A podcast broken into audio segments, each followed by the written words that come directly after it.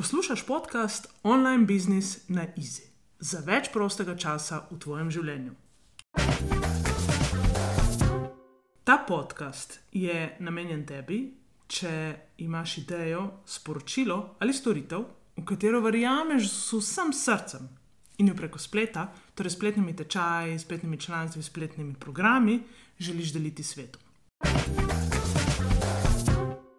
Moje ime je Sanja Križan in povabim te, da uživaš v idejah in konkretnih korakih, ki ti pomagajo tvojo storitev v online svetu prodati na easy in si tako v življenju ustvariti več prostega časa in finančno svobodo.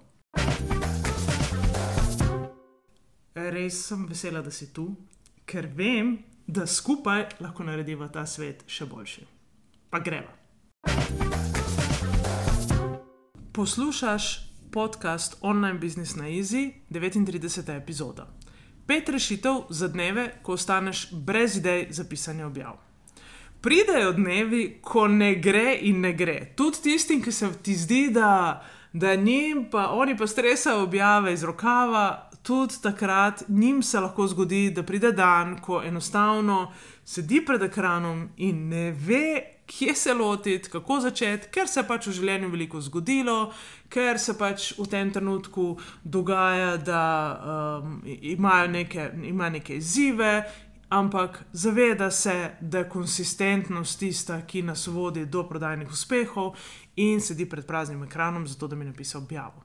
Takrat si lahko pomagaš z raznimi triki. Kupenih trikov je, kako si lahko pomagaš, ampak jaz bom danes delila s tabo pet trikov. In prvi trik je, da poiščeš uh, navdih na Amazonu, na rekla biti na Book Depository, ampak ga ni več. Uh, zdaj pa je naš, uh, naša, naslednje, naša naslednja zakladnica Amazon.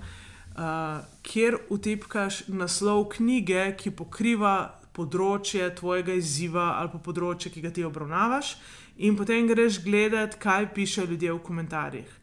Ti komentarji so tako neprecenljivi, ne vem, če jih že poznaš, ne vem, če to že uporabljaš, ampak ti komentarji ti lahko dajo en kup naslovov za objave, če že ne cele objave. Tako da uh, preizkusi to, najdi, kje so tiste knjige, ki uh, dejansko pokrivajo tvoje področje dela in uživaj v tem, kaj se lahko tam najdeš.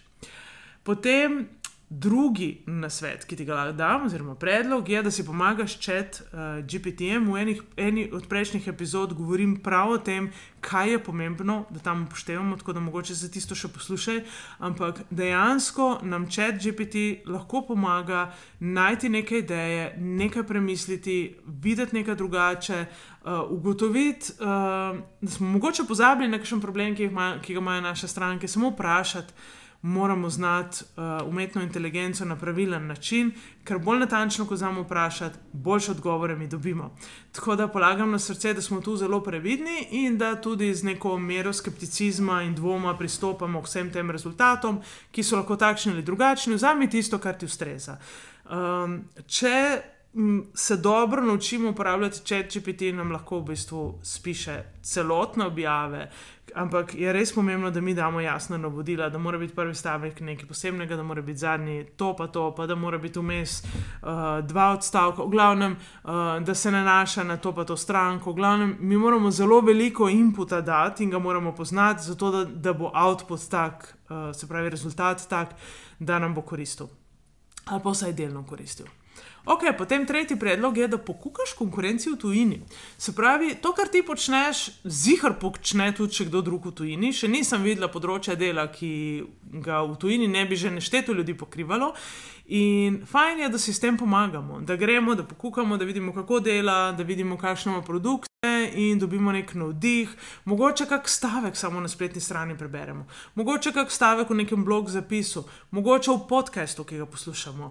Uh, vse, kar, uh, vse, s čemer si dovolimo prekiniti nek tok uh, dogajanja, tok um, pogovora in. in um, uh, tok misli, ki jih imamo in ki so takrat prazne, ko ne moremo spisati objave, nam, nam bo rešil uh, situacijo, tako da bo objava res nastala. Tako da uh, jaz se tudi tega poslužujem, v bistvu, ko, sem, ko nimam neke motivacije, ko um, iščem način, kako. Um, kako napisati nekaj novega, nekaj drugačnega, grem pa poslušam podcaste in takrat gotovo najdem idejo. Pa tudi, če podcast sploh nima veze z mojim biznisom, se tako zgodi, da pride neka informacija, ki mi spremeni to, kar misli in rečem, oh, wow, le, to je tisto, kar želim danes deliti z mojimi sledilci. In uh, četrti je izziv s fotko. Greš na bazo brezplačnih fotk, ali je to OnSplash, ali je to pixabay.com, karkoli uporabljaš.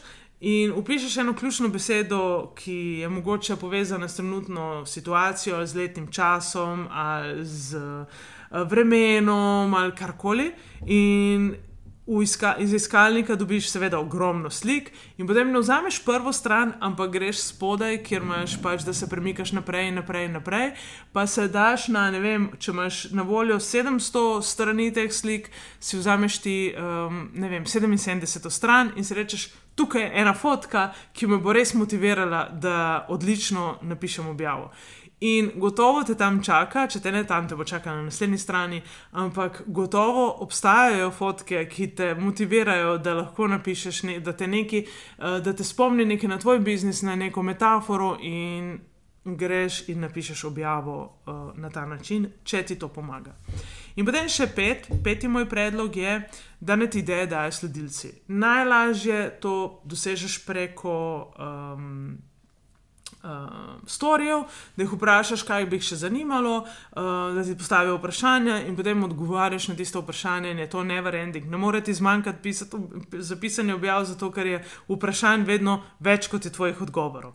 Tako da je tudi to eden od načinov. Tako da, evo, to je bilo se pravi pet kratkih primerov, kako si lahko pomagaš takrat, ko res zataji vsa tvoja kreativnost, ko ne veš, kje prijeti in kako začeti. Se pravi, ali da poiščeš uh, med komentarji. Uh, recenzijami knjig na Amazonu uh, navdih, da si pomagaš čet GPT-jem, da pokukaš konkurenci v tujini, da si narediš izziv s fotko in si rečeš, ok, ta fotka mi je kul, cool, kaj lahko napišem uh, iz svojega biznisa v tej fotki, in da uh, greš po ideje k svojim sledilcem.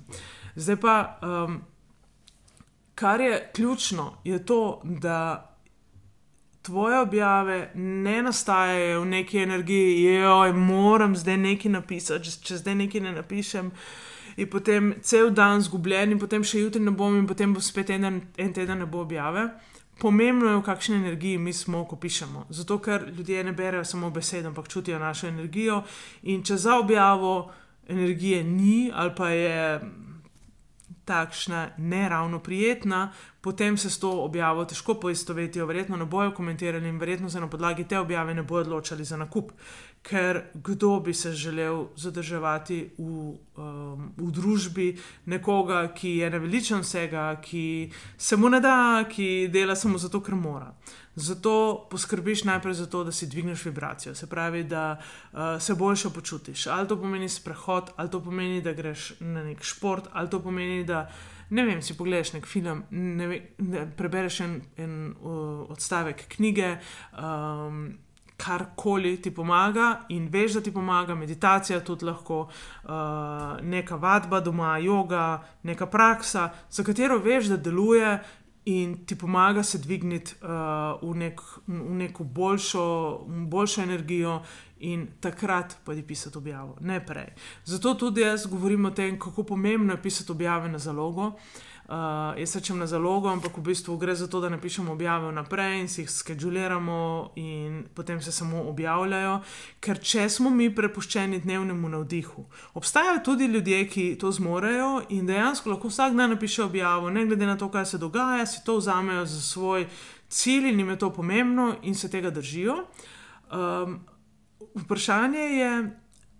Koliko je takih ljudi? Jaz definitivno nisem med njimi, zato vem, kako težko je včasih objavo napisati, kako hitro se obrnejo 3-4 dnevi po objavni. Zato rečem, takrat, ko smo v dobri energiji, ko si namenimo čas za pisanje objav, da jih naredimo več, da jih naredimo za en teden naprej, za 14 dni naprej, potem s časom že za en mesec naprej, ko imamo jasno vse splanirano in vemo, kdaj kaj počnemo.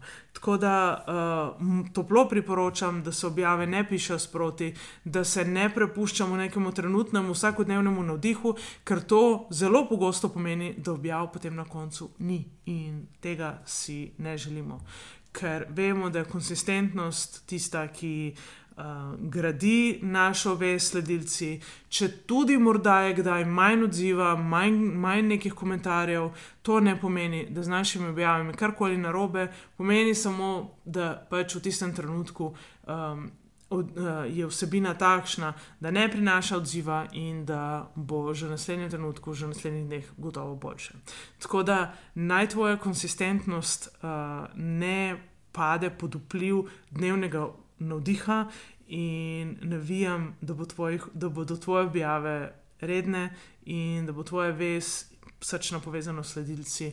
Kar se da močna, ker samo to prinaša potem tudi prodajo digitalnih storitev, uh, um, tečajev, programov, um, članstv. To je to za danes, lepo bodi in se vidimo. Čau, čau. Mnogi imamo v sebi program, ki pravi: Če želiš več, delaj več. Verjemi mi, dobro poznam ta program, ker sem se ga morala znebiti, da danes lahko v življenju delam to, kar znam najboljše, po manj kot pet ur na dan, štiri dni na teden. Ob tem končno zares uživam. Lahko sem jaz, lahko sem umirjena žena in ljubeča mama Franku in Fredi. Verjamem, da sem zato prišla na ta svet. Tudi ti imaš svoj zakaj. Tvoja ideja, tvoj biznis ti lahko v online svetu prinese več svobode, več prihodka in več prostega časa. Pridi na mojo spletno stran in se prijavi na brezplačni webinar, kjer ti pokažem štiri korake za uspešno prodajo online tečaja. Pa čeprav ga morda še niti nimaš, vse ob svojem času. Izberi svoj termin na www.sanjakrizan.com/slash štiri korake. Se vidiva tam.